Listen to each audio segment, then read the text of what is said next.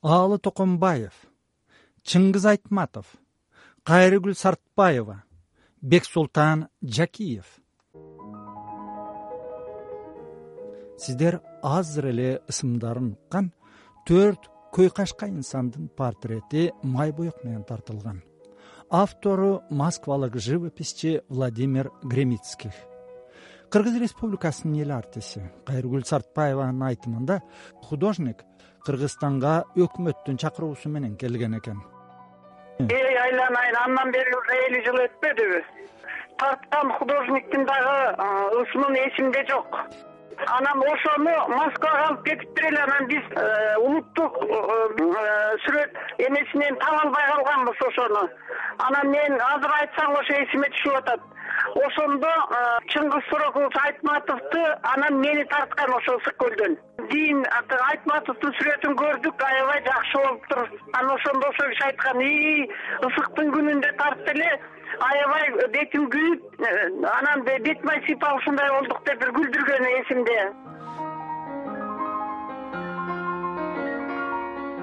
россия искусствосунун ардактуу ишмери владимир гремиц москвадагы айтылуу суриков атындагы көркөм сүрөт институтунун бир миң тогуз жүз кырк экинчи жылкы бүтүрүүчүсү. Белгилүү устаздар болочокко академиктер жана сссрдин эл сүрөтчүлөрү игорь грабарь жана сергей герасимовдон таалим алат.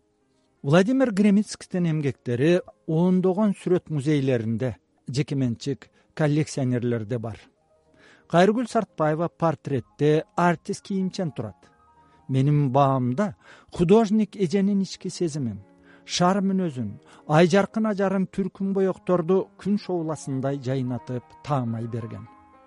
Художниктин айтымында ал кайрыгүл эжени алтын кыз драмасындагы чынардын образында тарткан экен бир жумага уруксаат алып театрдан алып келишкен ошо бир беш жолу мен позировать этип бердим го. Ошо тиги айтматов тартып анан мага келип мени тартып атты. Анан айтты өзү мен сизге айтамын качан мен бош болгондо ошондо сиз отуруп бересиз деп. Ушу беш жолу беш жолу отурдум да ошондо. Анан ошондо айтып атып атты эле тиги бул э, алтын кыздан чынардын образы болот эми өзүңөр билгиле дедим аны мен э, силерге жыктап айтып албайм да деп. Ошону мен өзүм деле көргөн жокмун. Гремицкийнин чынарды билгенине караганда ал кайрыгүл эженин репертуарын жакшы билген. Ал эми экинчи каарманыбыз бексултан жакиев көлдөгү өкмөттүк эс алуу үйүнө сүрөт тартуу үчүн атайын чакырылган эмес драматург көлдүн абасынан дем алганча бир чыгарма бүткөрө келейин деп барып художникке кокус кездешип калат. Мени өкмөт чакырган эмес. Ошол жерден бир эптеп путевка алып алып бир нерсе жазайын деп бардым. Ошо мындай улгайыбыраак калган киши экен. Мен сүрөтчүмүн деди. Тааныштык ары бери баштык. Бир күнү балкондо отурсак маңдайымда отуруп бирдеке сүймелеп аткан көрсө эски тартып атыптыр менин жөнүндө да? Анан ал киши айтты мени өкмөт чакырды эле ушу деди. Ушу республиканын бир майрамынын алды болсо керек эле. Анан мен дагы бир топ кишилерди тартам деди. Аттарын айтты көпчүлүгү эле аялдар болсо керек эле. Сартбаева мындай жооптуу кызматта иштеген аялдардан эмеле мен түмөнбаева такшыбекова ушулар болсо керек эле. Мен ага деле көп мындай маани берген жокмун. Эмне максат менен тартып аткандарын? Анан анан тартып бүткөндөн кийин көрсөттү. Буруш эле өңдөндү да. Чыгармачылык жактан мен ал окшош окшош болгон эмес. Анан айтты мен муну өкмөткө айтам сунуштайм. Алар сатып алат дегендей болду окшойт. Өкмөткө айтсаңыз албайт эле го дедим. Ал менен кийин жолуккан жокмун. Деди кыргыз эл баатыры бексултан жакиев. Бексултан агайдын портрети аалы токомбаевдин жана чыңгыз айтматовдун портреттеринен айырмаланып эркин манерада тартылган ойлуу драматург богема чөйрөсүнөн экенин үлпүлдөгөн тармал чачтары көк пиджагынын бычымы көйнөгүнүн кочкул кызыл өңү жана отурушу күбөлөйт. Драматург агайыбыздын портрети алты жүз миң рубль же тогуз миң үч жүз долларга бааланган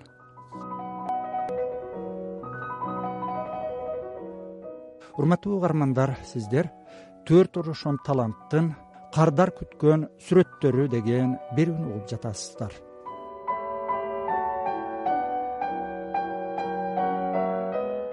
Гремецк ошол келишинде кыргыз сср министрлер советинин төрагасынын орун басары республиканын тышкы иштер министри жамал ташыбекованын да портретин тарткан экен.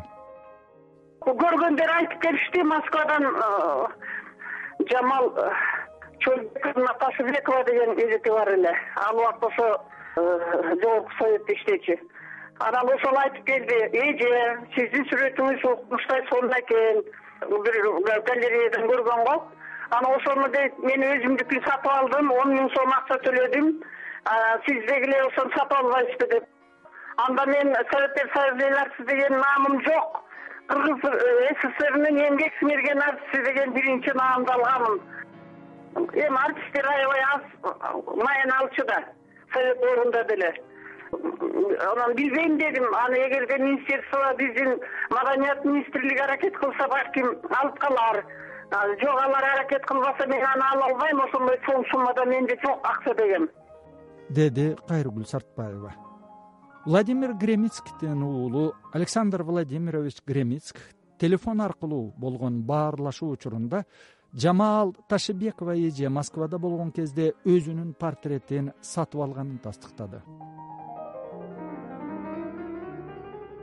элүү беш жаштагы чыңгыз айтматов сүрөттө ачык сары түстөгү сербаа жон саргыч боз шымчан турат пиджагын желкесине таштап койгон эми күмүш аралай баштаган коюу кара чачтары арткы фондогу ак мөңгүлүү ала тоо көгүлтүр асман жаратылыш менен жоорулушуп кетет калемгердин күнгө тотуккан жүзү жапжашыл табиятка нурун чачып аалам да сүйүнүчкө толгондой. Сүрөткер чыңгыз айтматовду кара сөздүн чебери катары терең урматтагандыктан сүрөттөгү ар бир деталдын үстүнөн кылдат иштегендей.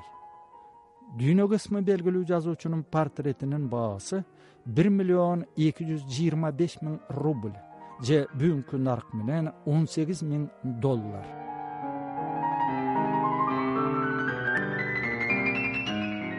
кенже гремицк атасы советтик кыргызстандын көрүнүктүү инсандарынын портретин тартууга ким тарабынан чакырылганын билбесин айтып анда атасы чыңгыз айтматовду тартып жаткан фото сүрөт бар экенин кошумчалай кетти. Я не был при этом но это восемьдесят третий год это атамды кыргызстанга ким чакырганын билбеймин. Менде атам чыңгыз айтматовдун натурадан тартып жаткан фотография бар. Айтматов кандайдыр бир пейзаждын фонунда турат атам этюднигин жайып алып сүрөт тартууда. Бул бир миң тогуз жүз сексен үчүнчү жыл атам баардык адамдарды кыргызстан компартиясынын ысык көлдөгү эс алуу үйүнөн тарткан. Сүрөттүн баасын инсандын дараметине карап эмес. Эмгектин сапатына карап коем. Я скорее ставлю цену в зависимости от качества работы биздин визави александр гремицк совет живописи боюнча орусиядагы жеке менчик эң чоң коллекциянын ээси анын коллекциясында бир миң эки жүздөн ашуун живописдик жана графикалык эмгектер бар.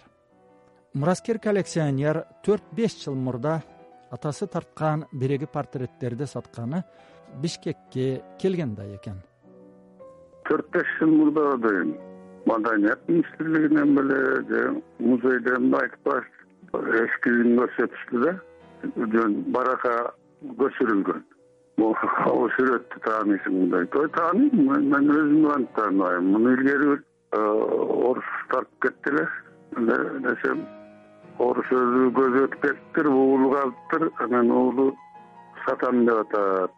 Деп ошентеди андан кийин дайынын билбейм уккан жокмун э кымбат сурап атат деди ага акча жок дегендей кылышты да эгерде өкмөт менин сүрөтүмдү тартып десе анда ошо илгери эле алып калмак да.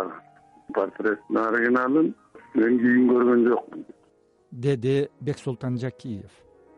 Кайргүл сартбаева болсо бир миң тогуз жүз сексен үчүнчү жылы москвалык художник тарткан өз портретинин баасын билгенде сүрөттү сатып алганга чөнтөгү жок экенин айтты беш жүз бирдеме дейсиңби ага менин пенсиям жетпейт алты миң мен пенсияда отуруп калдым да азыр.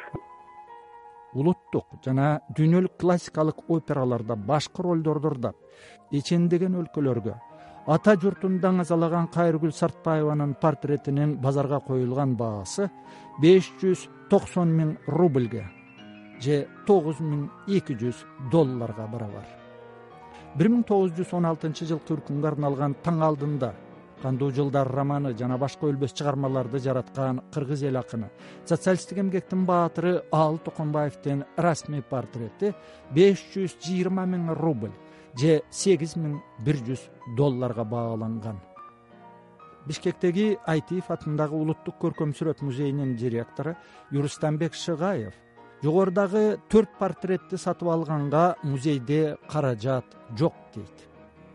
Акча жок да бизде вообще культурада бир тыйын акча жок. Андай акча жок аларды сатып алганга мүмкүнчүлүк жок. Чулков деген азыр араң он беш жыйырма миң доллар турат. Анан гримицкийди эч ким тааныбайт аны эми анын баалары мынчалык турбайт ал даже беш миңге албайт ал сүрөттөрдү мен билем да бизге предлагать эткен бизге эле беш миңге. Биз алган эмеспиз акча жок деп беш миңге предлагать эткен жакиевдикин айтматовдикин акча жок даже ошо беш миң акча жок бизде культурада илгери тиги ибрагим жунусов болуп турганда кайрылгам ушундай портрет бар экен ушуларды алып койбойлубуз канча дейт беш миңден десем ой кымбат деп аябай алдагыш маселе гремицкиде художник катары эл билеби же жокпу андай эмес маселе кыргыз элинин сыймыгы болгон төрт орошон таланттын портрети бир нече жылдан бери онлайн базарда сатыкта ээси жоктой турганында.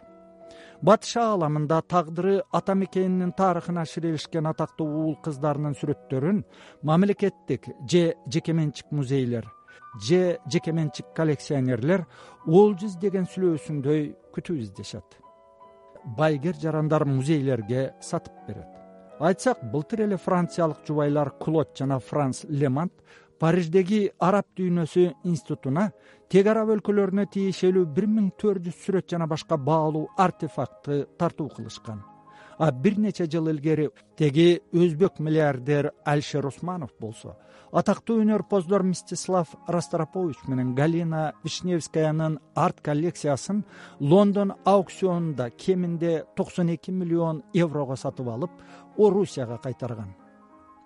Аалы токонбаев чыңгыз айтматов бексултан жакиев кайыргүл сартбаеванын сүрөттөрү эмнеси менен баалуу биринчиден төрт портрет тең советтик доордун советтик живопистик менен эмгеги. Экинчиден төрт портреттен тең ошол доордогу даркан таланттардын образын көрөбүз. Үчүнчүдөн төрт портрет тең элибиздин руханий дүйнөсүн байытууга үлкөн салым кошкон таланттуу уул кыздарыбыз жаныдан же натурадан тартылганы менен баалуу ошон үчүн мындай сүрөттөр улуттук көркөм сүрөт музейинде туруш керек деп ойлойм. Балким чыңгыз айтматовдун жана аалы токонбаевдин үй музейине виктор вексельберг жана алишер усманов сыяктуу кыргыз олигархтары бирден сүрөттү сатып беришет